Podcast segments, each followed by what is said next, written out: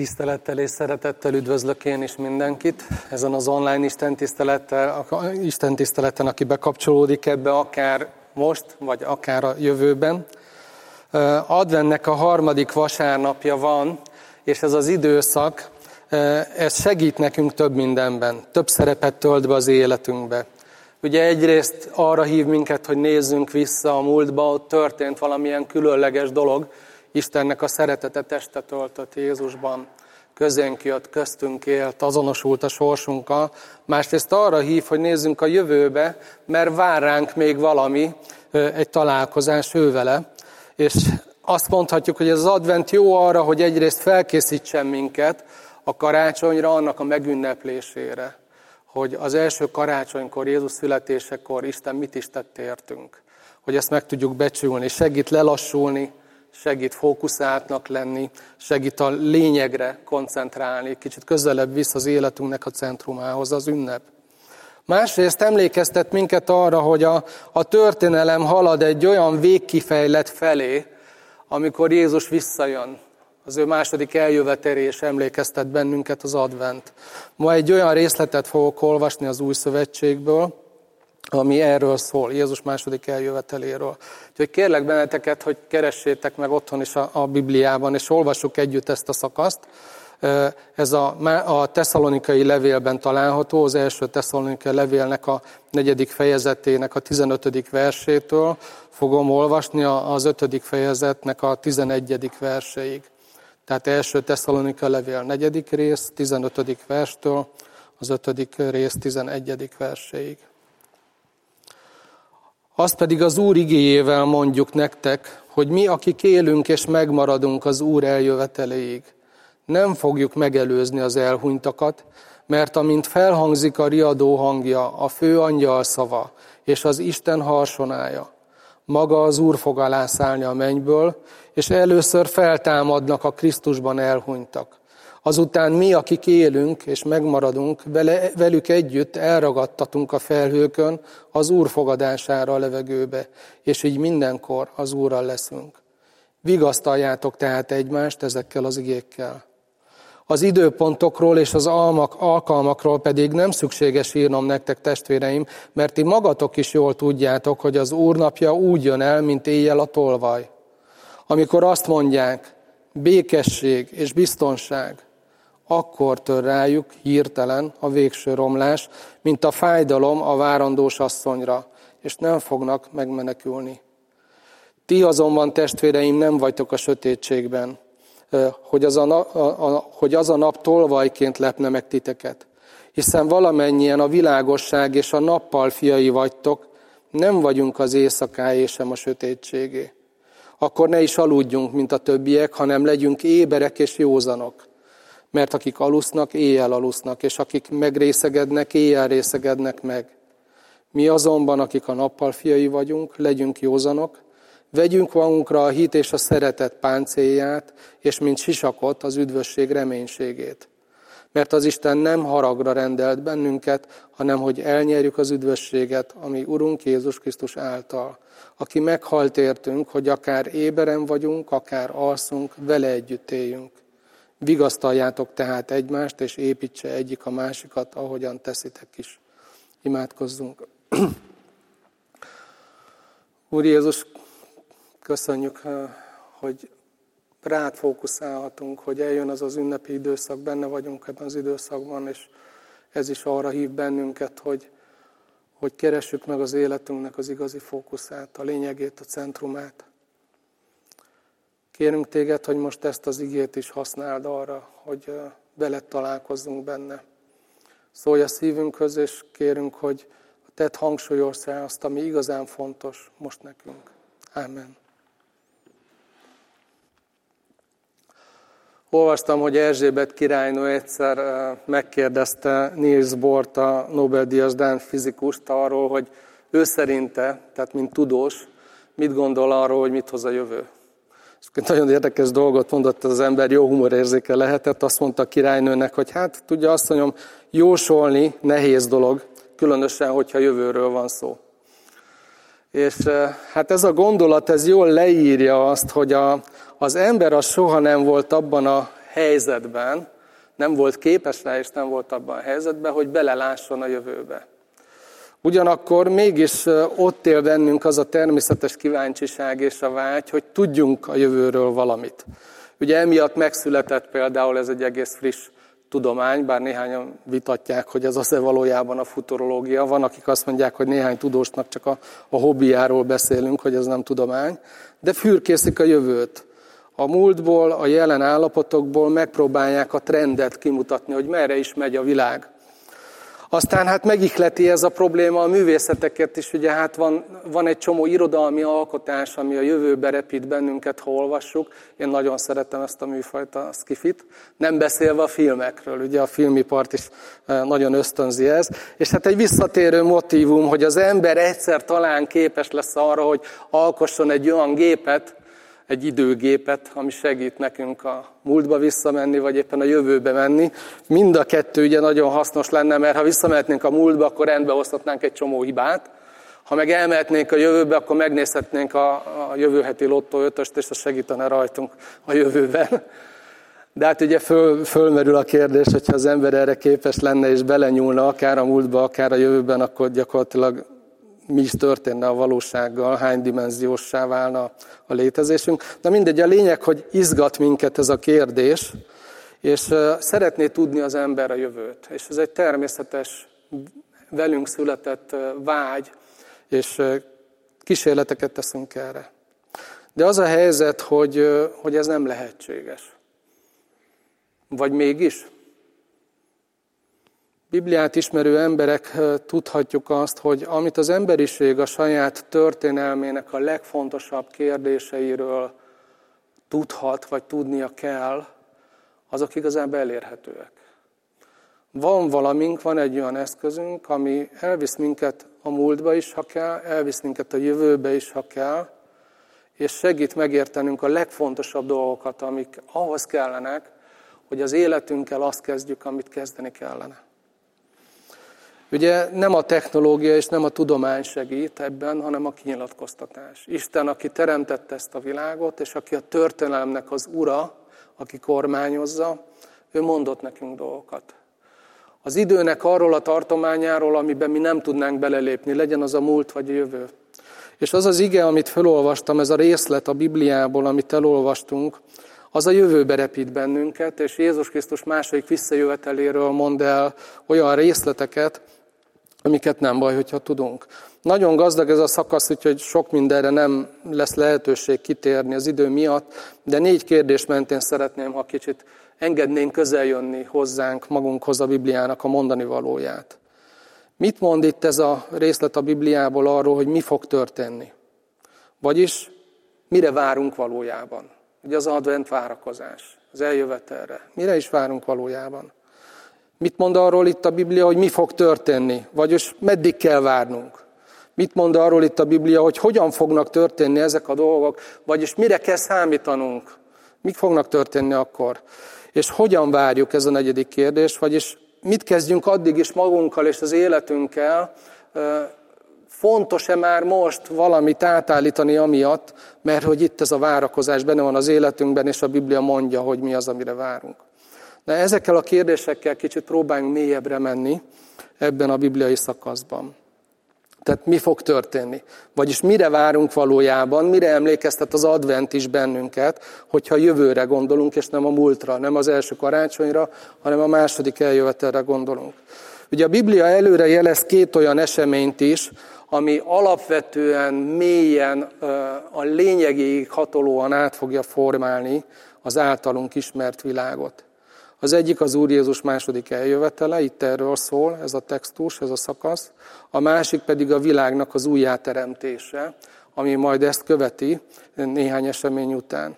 Tehát a Biblia különbséget tesz Jézusnak két eljöveteléről. Az egyik a karácsony, amit ünneplünk, ugye, hogy az Úr Jézus megszületett, hozzánk hasonló emberré vált, magára vette a sorsunkat, azonosult velünk, és magára vette a mi nyomorunkat, a bűneinket, ami elszakított Istentől, ezért hozott áldozatot, megváltott bennünket, feltámadt, és ugye olvassuk, hogy a mennybe ment. Tehát ez a karácsony, nagypéntek, húsvét, mennybe menetel, ünnepkör erről az időszakról szól. De az advent emlékeztet bennünket, hogy lesz egy második eljövetel is. Az elsőnek a célja ugye az volt, hogy megszabadítson valamitől, meg megszabadítson valamire bennünket. Ugye, hogy mitől is? Hát Biblia beszél erről nagyon sokat, hogy van egy olyan sötét hatalom ebben a világban, ami befészkeli magát a lelkünk legmélyebb, legmélyebb bugyraiba is, és akár akarjuk, akár nem, meghatároz bennünket, és a legrosszabbat hozza ki belőlünk. De nem csak erről van szó, hanem azt is mondja, hogy ez a sötét hatalom, amit a Biblia a bűnnek hív, ez az egész rendszerbe belefészkeli magát, amit mi emberek létrehozunk. Ugye a társadalomba, a különböző közösségekbe, tehát azokban a rendszerekbe is belefészkeli magát, amikben mi élünk. És Jézus először azért jött, hogy ettől megszabadítson bennünket. Hogy legyen esélyünk leválni erről az erőről, erről a hatalomról. És ezen keresztül nem csak megszabadítani jött valamitől, hanem valamire is megszabadított bennünket. Azóta lehetséges egy új alternatív utat járni. Egy másik utat járni, egy másik életet élni, amit az új szövetség új életnek hív, ami az újjászületéssel indul, amikor valaki hisz abba, aki Jézus, és amit Jézus értetett. De itt a Tesszalonika levél nem erről az első eljövetelről beszél elsősorban, bár a szakasznak a végén utal erre, hanem a második eljöveteléről beszél itt az új szövetség. Ugye ez egy, ez egy ősi proféciája a Bibliának, és nagyon sok ilyen van. És hogyha ezeket a proféciákat nézzük, akkor azt látjuk, hogy le vannak rakva a Bibliában olyan kis puzzle darabok, amiket részben össze tudunk illeszteni, és kialakulhat egy kép a jövőről. Kialakulhat ez alapján egy kép a jövőnkről, hogy merre felé halad az emberiség. És szeretnék egy gyors áttekintést erről a nagyobb képből, hogy bele tudjuk helyezni ennek a szakasznak a mondani valóját. A Biblia úgy mutatja be, hogy az Úr Jézus második eljövetelét egy hatalmas krízis fogja megelőzni. Egy olyan krízis, aminek társadalmi, gazdasági, politikai, ökológiai és spirituális vonatkozása is vannak. Annyira komoly krízis lesz ez, hogy a Biblia, amikor le akarja írni a számunkra, akkor úgy nevezi el, hogy nagy nyomorúság. Nem azért nagy, mert nagyon sokáig fog tartani, történelmi távlatokban nézve viszonylag rövid ideig fog tartani. De olyan jelentős lesz és olyan mély, hogy a Biblia azt mondja, hogy ez egy nagy nyomorúság lesz, ez egyik legnagyobb, amit valaha az emberiség megért. Na ezt a komoly krízist fogja lezárni Jézusnak az eljövetele, a második eljövetele, és amikor ő megérkezik erre a földre, olyan mély változásokat idéz elő ezen a bolygón Jézusnak a megjelenése, ami kihat nagyon sok mindenre. Például ki fog hagyni a, a bioszférára, azt olvasjuk a Bibliáról, hogy a Föld regenerálódni fog.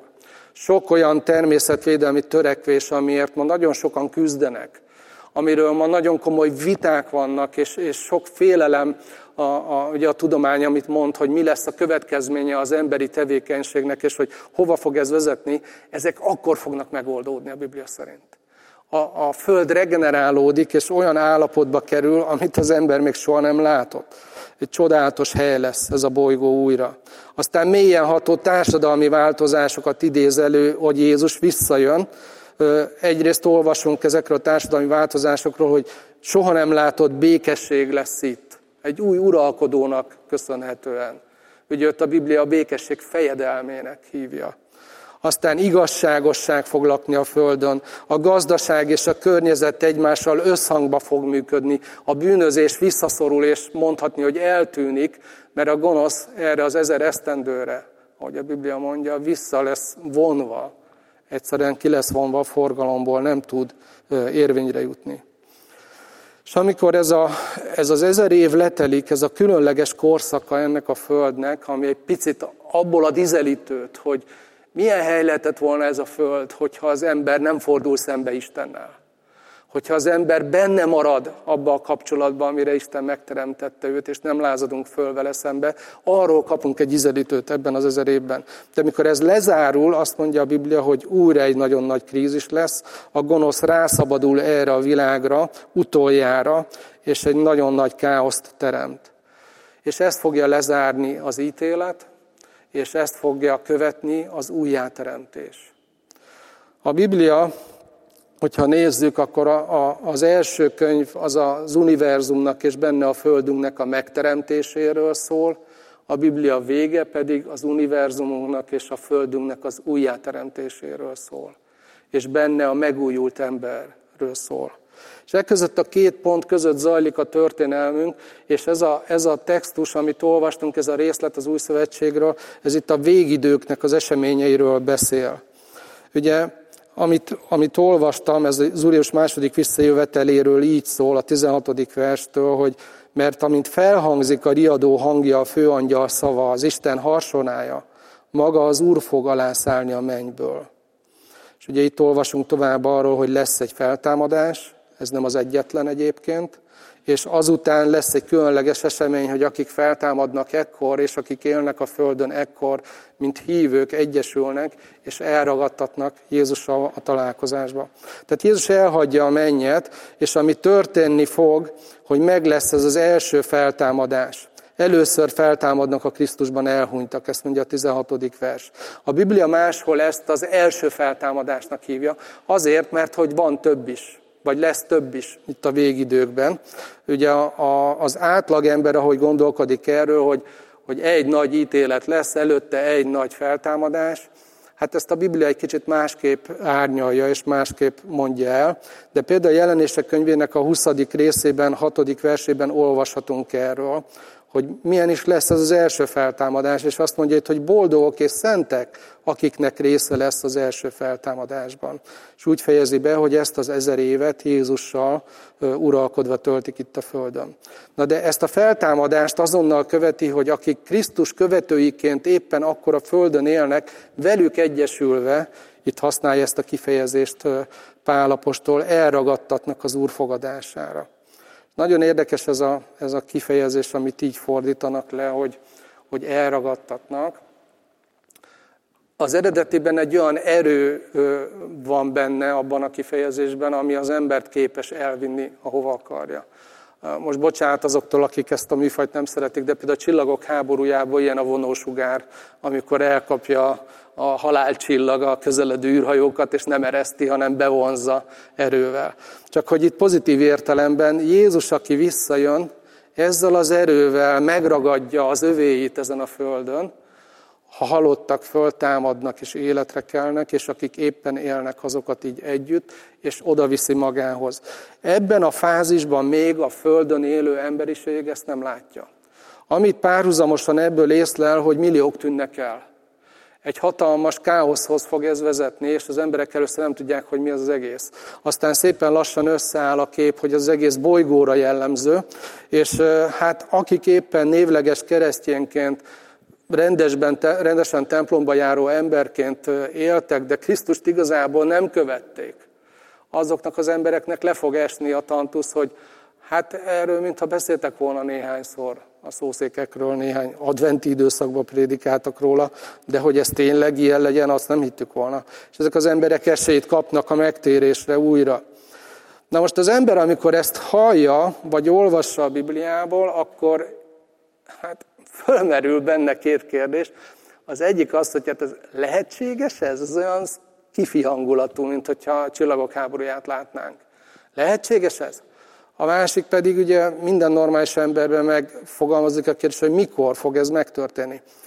Az első kérdésre csak nagyon röviden hadd mondjak annyit, hogy, hogy ami alapján ezt hirdetik most már nagyon régóta, ugye az a bibliai kinyilatkoztatás, azon belül pedig a proféciák, és a proféciák ugye azok, amiket Isten üzenetként átadott, és a proféciák szólhatnak a múltról, a jelenről és a jövőről is, és itt a jövőről szóló proféciákról van szó.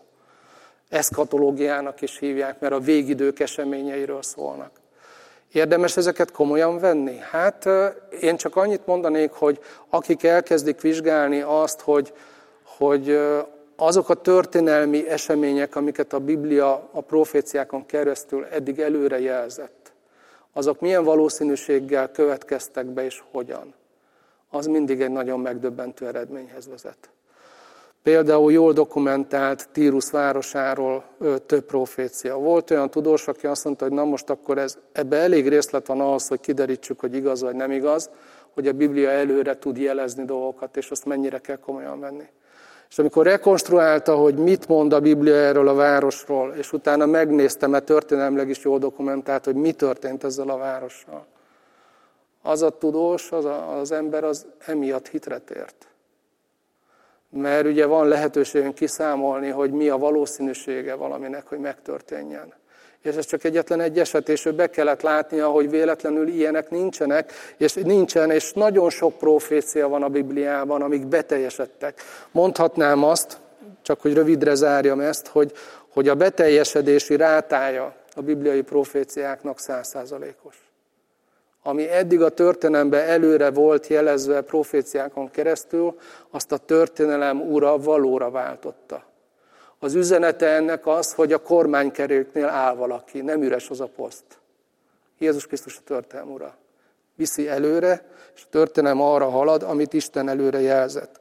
És itt ugye az egyik ilyen epizódról, az Úr Jézus visszajöveteléről beszél a Biblia.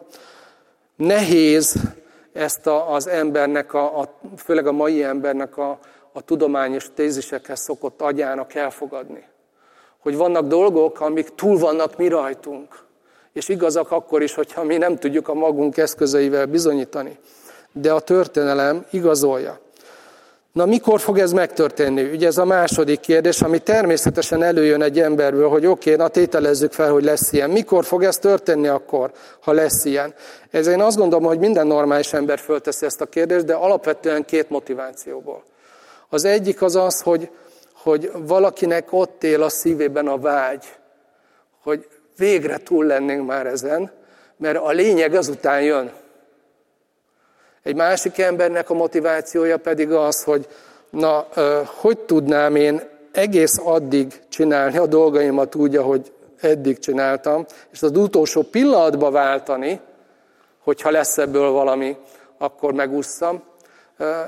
Jó tudni, hogy mikor lesz ez. Meddig élhetek úgy, ahogy eddig? És meddig nem kell komolyan vennem, mikor van az az utolsó pillanat, amikor viszont véget kell vetnem a jelenlegi életgyakorlatomnak, és váltanom kell, ha jót akarok magamnak. Hát ez egy kicsit olyan kérdés, mint hogyha a Niagara vizesés elé, felé mész, és azt kérdezed, hogy mikor van az, az utolsó pont, aki meg, meg tudsz fordulni. Fogalmunk sincs. Azt te ott a csónakban nem fogod tudni eldönteni, van, amikor már késő. És nem tudsz visszajönni. És hát amiről itt a Biblia beszél ezzel a kérdéssel kapcsolatban, hogy mikor lesz, az pont ez az. Azt hangsúlyozza, hogy ezt valójában senki nem tudhatja. Azt olvastuk az ötödik fejezetnél az első két versre, hogy az időpontokról és az alkalmakról pedig nem szükséges írnom nektek testvéreim, mert ti magatok is jól tudjátok, hogy az Úr napja úgy jön el, mint éjjel a tolvaj. Nagyon érdekes ez a, ez a két kifejezés, hogy az időpontokról és az alkalmakról. Az időpontokra használt eredeti szó, ezt főleg akik az órákat szeretik, azok ismerik, van egy ilyen márka, hogy kronosz, tehát az időszakokat, korszakokat jelent. Tehát mi emberek úgy gondolkodunk a történelemről, hogy vannak olyan időszakok, amik jók valamire. Most is van egy véleményünk, hogy most milyen korszakban élünk, mindenféle jelzőkkel eljátjuk, tudjuk, hogy ez szól valamiről. Az alkalmak, viszont amit így fordítottak magyarra, ez a, az eredetiben a kairos van, ez az a pillanat, ami jó valamire. De azt nem lehet bármikor megcsinálni. Ez például olyan, mint a busznak az érkezési ideje. Ez a pillanat jó arra, hogy felszállj rá. Se előtte 5 perccel, se utána 5 perccel ezt nem tudod megtenni. Tehát ez egy olyan időpont, ami valamire való. Például, hogy elfogadd Isten hívását, megtér, hogy Jézus után indulj el az ő követőjeként. Ez egy ilyen kájrosz jellegű pillanat, amit nem akkor csinál az ember, amikor akar, hanem amikor lehetőséget kap rá. Na ez a két kifejezés az idővel kapcsolatban, amikor azt mérlegeljük, hogy mi mikor történik, azt mondja erről itt a, az ige, hogy sem az időszakokat, sem a pillanatokat benne nem tudhatjuk előre. Nincs az az ember, aki ezt megmondja pontosan. Volt már, hogy kiszámolták, hogy Jézus mikor jön vissza, nem is egyszer, de elfelejtettek neki szólni, még eddig nem történt meg. Viszont amit mond a Biblia erről, két képet használ. A második versben azt mondja, hogy úgy jön el, mint éjjel a tolvaj. Vagyis sejteni lehet, hogy megtörténhet egy ilyen dolog, de hogy mikor, azt nem. És Jézus idejében, vagy az új szövetség idejében, amikor ezt írták, akkor ugye egyféleképpen lehetett védekezni a tolvajok ellen, úgy, hogy őrséget állítottak 0-24-ben, és figyelték. Azt, ami érték, vigyáztak rá 0-24-ben, mert nem lehetett tudni, mikor jön a tolvaj.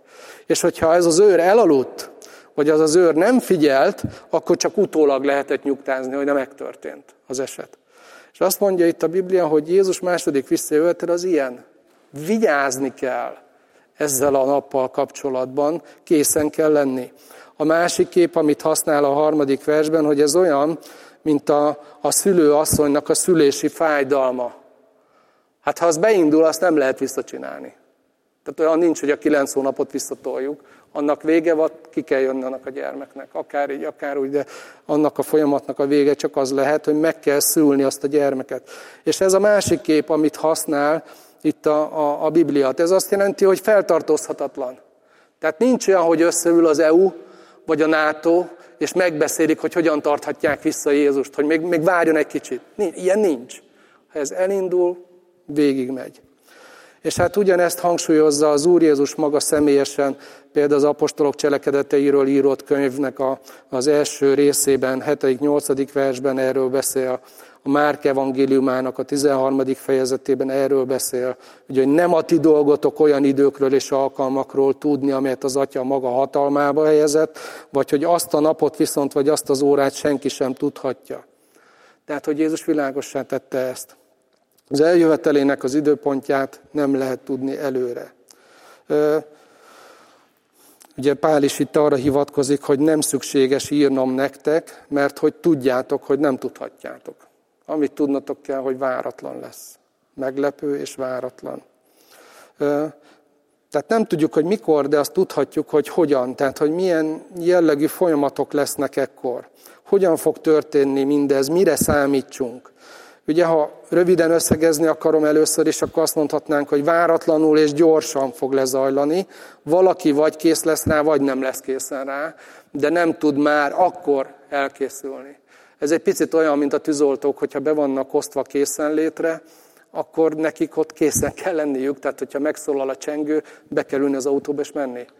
Nem lehet azt megengedni, hogy ott, mit tudom én, fürdögatyára vett közben a jacuzziba üldögélnek, mert az nem készenvárás az alkalomnak. Már nincs idő erre, nem lehetséges ez. Tehát valami ilyesmiről beszél itt a Biblia. És a váratlanságnak az oka az az, hogy az eseményeknek a kiinduló pontja az nem a föld, hanem a menny. Tehát amit itt olvasunk, hogy mert amit felhangzik a riadó hangja, a főangyal szava és az Isten harsonája, maga az Úr fog alászállni a mennyből. Tehát a mennyben teljes készültség van, ez annak a képe. És oda az ember nem lát be, azt mi nem tudjuk kontrollálni, azt nem tudjuk a műszereinkkel mérni, hogy eldöntsük, hogy mikor fog megtörténni. Ugye tudjuk figyelni, hogy lesz földrengés, nem lesz földrengés, bizonyos jeleket a szeizmográfokkal nézik. E, itt nem lehet bedrótozni a mennyet. Ahol ez az egész indulni fog, az nem a mi hatáskörünk. És amit a Biblia itt használ képet, az igazából azok értik jól, akik vagy voltak katonák, vagy szeretik az ilyen típusú filmeket, tehát onnan is lehet tapasztalatokat szerezni. Én voltam még katona, sajnos, nem, nem úsztam meg, még pár évvel utána lett vége ennek az egésznek, és tudom, hogy volt kétszer olyan, hogy ilyen nagy hadgyakorlatot készültek tartani. Mindenki tudta, hogy lesz. De két héten át nem tudtuk, hogy mikor. Úgyhogy mindenki hátizsákkal fölöltözve, majd, hogy nem bakancsba aludt és egyszer megszólalt a csengő, és menni kellett. És aki akkor nem volt készen, az, az lemaradt. Ugye ilyenek a filmekben is megjelennek, amikor beindulnak ezek a riadó csengők, és akkor mondják a hangosba, hogy figyelem, figyelem, ez nem gyakorlat, ez most éles, hogy mindenki vegye komolyan. Amire számítottunk, amit gyakoroltunk, amire készültünk, az most tényleg megtörtént. Na valami ilyesmiről van szó, mert a, a főangyal, aki kiállt, ez a főparancsnokot jelenti, aki indítja. A harsona, amiről itt beszél az új szövetség, ez az, amit régen a katonaságnál használtak arra, hogy az egész tábort mozgósítsák, mindenki fölébredt rá, mindenki hallotta, akárhol volt, akármit csinált, tudta, hogy indulunk. Tehát erről beszél itt az új szövetség. Tehát ezek a mennyben indulnak el, a lényeg, nem mi kontrolláljuk. És ezért lesz váratlan a számunkra. Ezt nem tudjuk előrejelezni, nem tudjuk mérni, nem tudjuk magunkat bebiztosítani. Mi lesz a Földön ezzel párhuzamosan? Nagyon érdekes az, hogy a Biblia mit jelez. Azt olvassuk a harmadik versre, hogy amikor azt mondják, békesség és biztonság, akkor tör rájuk hirtelen a végső romlás, mint a fájdalom a várandós asszonyra, és nem fognak megmenekülni. Tehát a jelszavak szintjén, a politikai kommunikáció szintjén és a nagy tárgyalások, meg a, a földnek a sorsát, ahogy a nagy emberek eldöntik, ezt fogja harsogni a világ. Ez jön a médiából is csőstől, hogy békesség, biztonság. Rossz dolgok ezek? Tehogy is rosszak. Nagyon is fontos dolgok, és milyen jó lenne. Ugye csak azt nem fontoljuk meg, hogy a, az igazi békesség, a békesség fejedelme nélkül nem nagyon tud ezen a földön megvalósulni. Jézusról mondja a Biblia, hogy ő a békesség fejedelme. Ő hozza el a békességet, az igazságosságot. És ugye, amit itt meg kell fontolnunk, hogy amire a világ képes, az gyakorlatilag a fegyvereknek, a fenyegetésének az egyensúlya és a megfélemlítés, hogy én félek tőled, te félsz tőlem, nem nyomjuk meg a gombot. De ez nem az a békesség, amire igazán szüksége van az embernek. Ettől ugye kiégnek társadalmak, generációk az ettől való félelemtől. Itt a Biblia azt mondja, hogy a Földön ezek lesznek a legfontosabb tematikák, békesség, biztonság, és nem az lesz, tudjuk, hogy nem az lesz ennek ellenére, és akkor indulnak el a dolgok. Miért éri felkészületlenül a világot? Azt mondja itt az ige, hogy azért, mert a világ bizonyos értelemben alszik. Ugye azt mondja, ne is aludjunk, mondja ezt a keresztényeknek a Biblia, mint a többiek. És ugye ebben a képben az van benne, hogy egy ember, aki alszik, az benne él ugyan a valóságban, de egy csomó minden nem tudatosodik benne, nem tud hozzá kapcsolódni jól. Tehát nem tud a valósághoz úgy kapcsolódni, ami segíteni őt. És itt azt mondja a, a Biblia, hogy bizonyos értelemben világ aludni fog. Elaltatják ezek a nagy témák, és nem fogja látni annak a jeleit, ami történni fog. És nagyon hirtelen lesz ez, amit hangsúlyoz. Na, hogyan várjunk akkor? Tehát, hogyha meg fog történni, nem tudjuk, mikor fog megtörténni, késznek kell lenni, hogyan várjuk, mit jelent ez? Csak néhány dolgot akarok kiemelni itt, amiket mond. Az egyik, amit kétszer is hangsúlyoz ez a szakasza az igében, hogy vigasztaljátok egymást ezeket az igékkel. Ugye a 18. vers, a 4. fejezetből, meg az 5. résznek a 11. verse is ezt hangsúlyozza, hogy vigasztaljátok egymást. Ez egy nagyon színes kifejezés, azt jelenti, hogy valaki valaki mellé odaáll az ő érdekébe, bátorítást, vigasztalást, intést, tehát sok mindent jelenthet, ami a másik javát szolgálja. Tehát úgy lehetne összefoglalni, hogy úgy tudsz a legjobban készülni, hogy törődj másokkal is. Ne a magad életére gondolj csak, és a magad jövőjére, úgy tudsz jól készülni, hogyha törődsz másokkal. És ez azt jelenti, hogy például egy nem hívő barátnak mondd el, ha szóba kerül, mi az az advent? Várakozás. Na de mire várunk? És akkor mondd el. Két, két iránya van. Nézd vissza, várd Jézust, ugye, hogy, hogy az életedbe belépjen úgy, mint ahogy karácsonykor belépett a földre. De várjuk Jézust, aki vissza fog jönni a történelembe. Mindannyiunk sorsát érinteni fogja ez. Mondd el, hívjad megtérésre, hívjad Jézus követésére, törődj a másikkal. Vagy a megfáradt testvéredet, aki elveszett az életben. Bátorítsd ezzel. Hogy haladunk egy olyan jövő felé, ahol már más lesz. Aztán a, a másik dolog, amit a hatodik, hetedik versben hangsúlyoz az ige, hogy ne is aludjunk, mint a többiek. Tehát itt mondhatnám úgy is, hogy legyen gondod magadra, figyelj oda. És hogy mit jelent ez? Itt a, a, ez, az, ez a szövegrész, ez az éberség ellentéteként mutatja be. Tehát egy hívő akkor nem alszik, ha éber.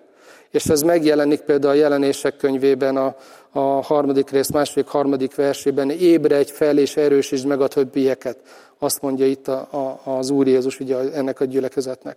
Tehát az alvás az nem egyenlő a tétlenséggel, így átvitt értelemben, mert itt az Úr Jézus azt mondja, hogy, hogy nem találtam a cselekedeteidet teljesnek az én Istenem előtt. Emlékezzél vissza, tehát honnan estél ki, és térj meg. Ezt jelenti fölébredni és ébernek lenni.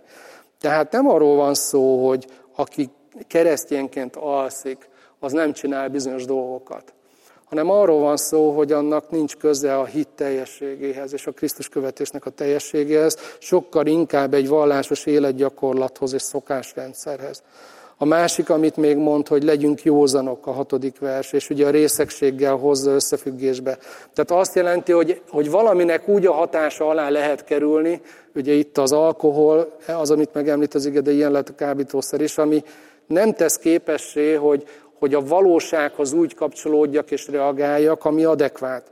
Ez átvitt értelemben is igaz. Tehát igazából ez a világ, az a kultúra, amiben élünk, az meg tud fosztani bennünket a józanságtól, amikor valami olyan mértékig hatással van ránk, hogy elvesztjük a lényegről a fókuszt, és hogy valahogy tök másképp kezdünk fókusz, funkcionálni, élni. Tehát, hogy ezt ne tegyük, ne engedjük, hogy bármi olyan dolog levegye az életünk középpontjáról a fókuszunkat ami egyébként lehet, hogy az életben fontos, van szerepe, de túlzott jelentőséget kap. Aztán a másik itt úgy fogalmaz, hogy vegyük fel a hitnek és a szeretetnek a páncélját és az üdvösség reménységét, mint sisakot, a nyolcadik vers. Ugye ez a páncél, ez a szívünket védi, a melkasunkat, a szeretet és a hit, ez a kettő együtt. A másik, a sisak, az pedig a gondolkodásmódra, a fejre utal, ez pedig az üdvösségnek az reménysége.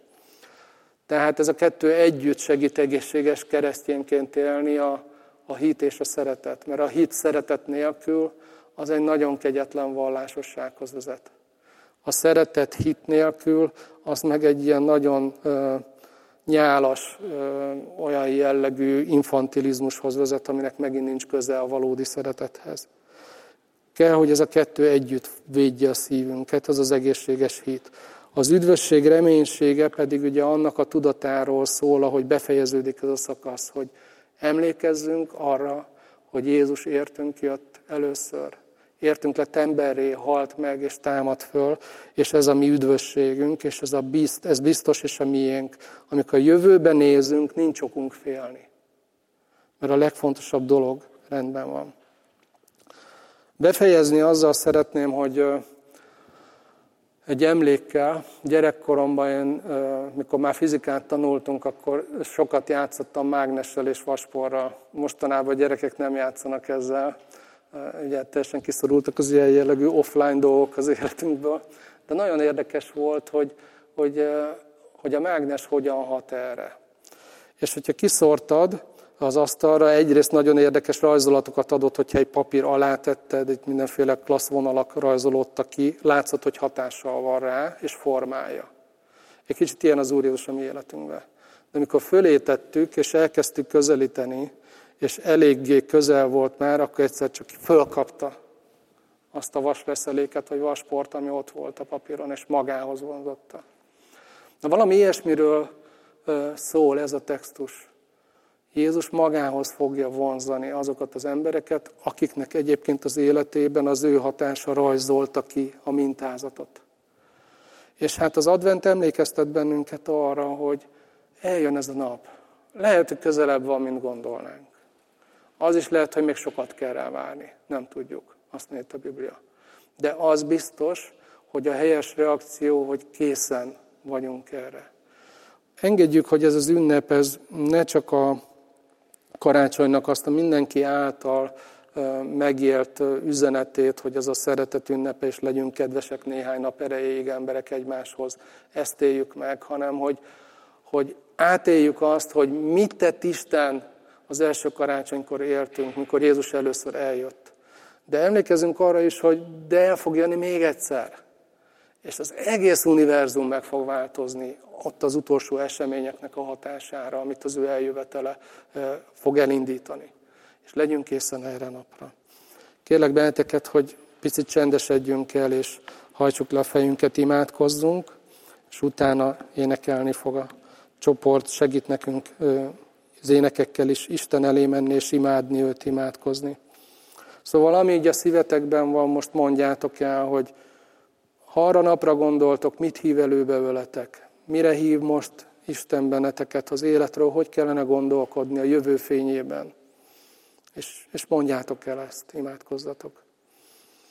Úr Jézus, köszönjük neked, hogy bár sok mindent nem tudhatunk, és nem lehetünk biztosak sem az időszakokról, sem az időpontokról, hogy nem látunk rá arra, hogy a mennyben a készültség az valójában most hol tart, hogy a történelemnek ez az záró szakasza, mielőtt elindul az új, abból még mennyi van vissza. De köszönjük, hogy tudhatjuk, hogy mi lesz a végkifejlet.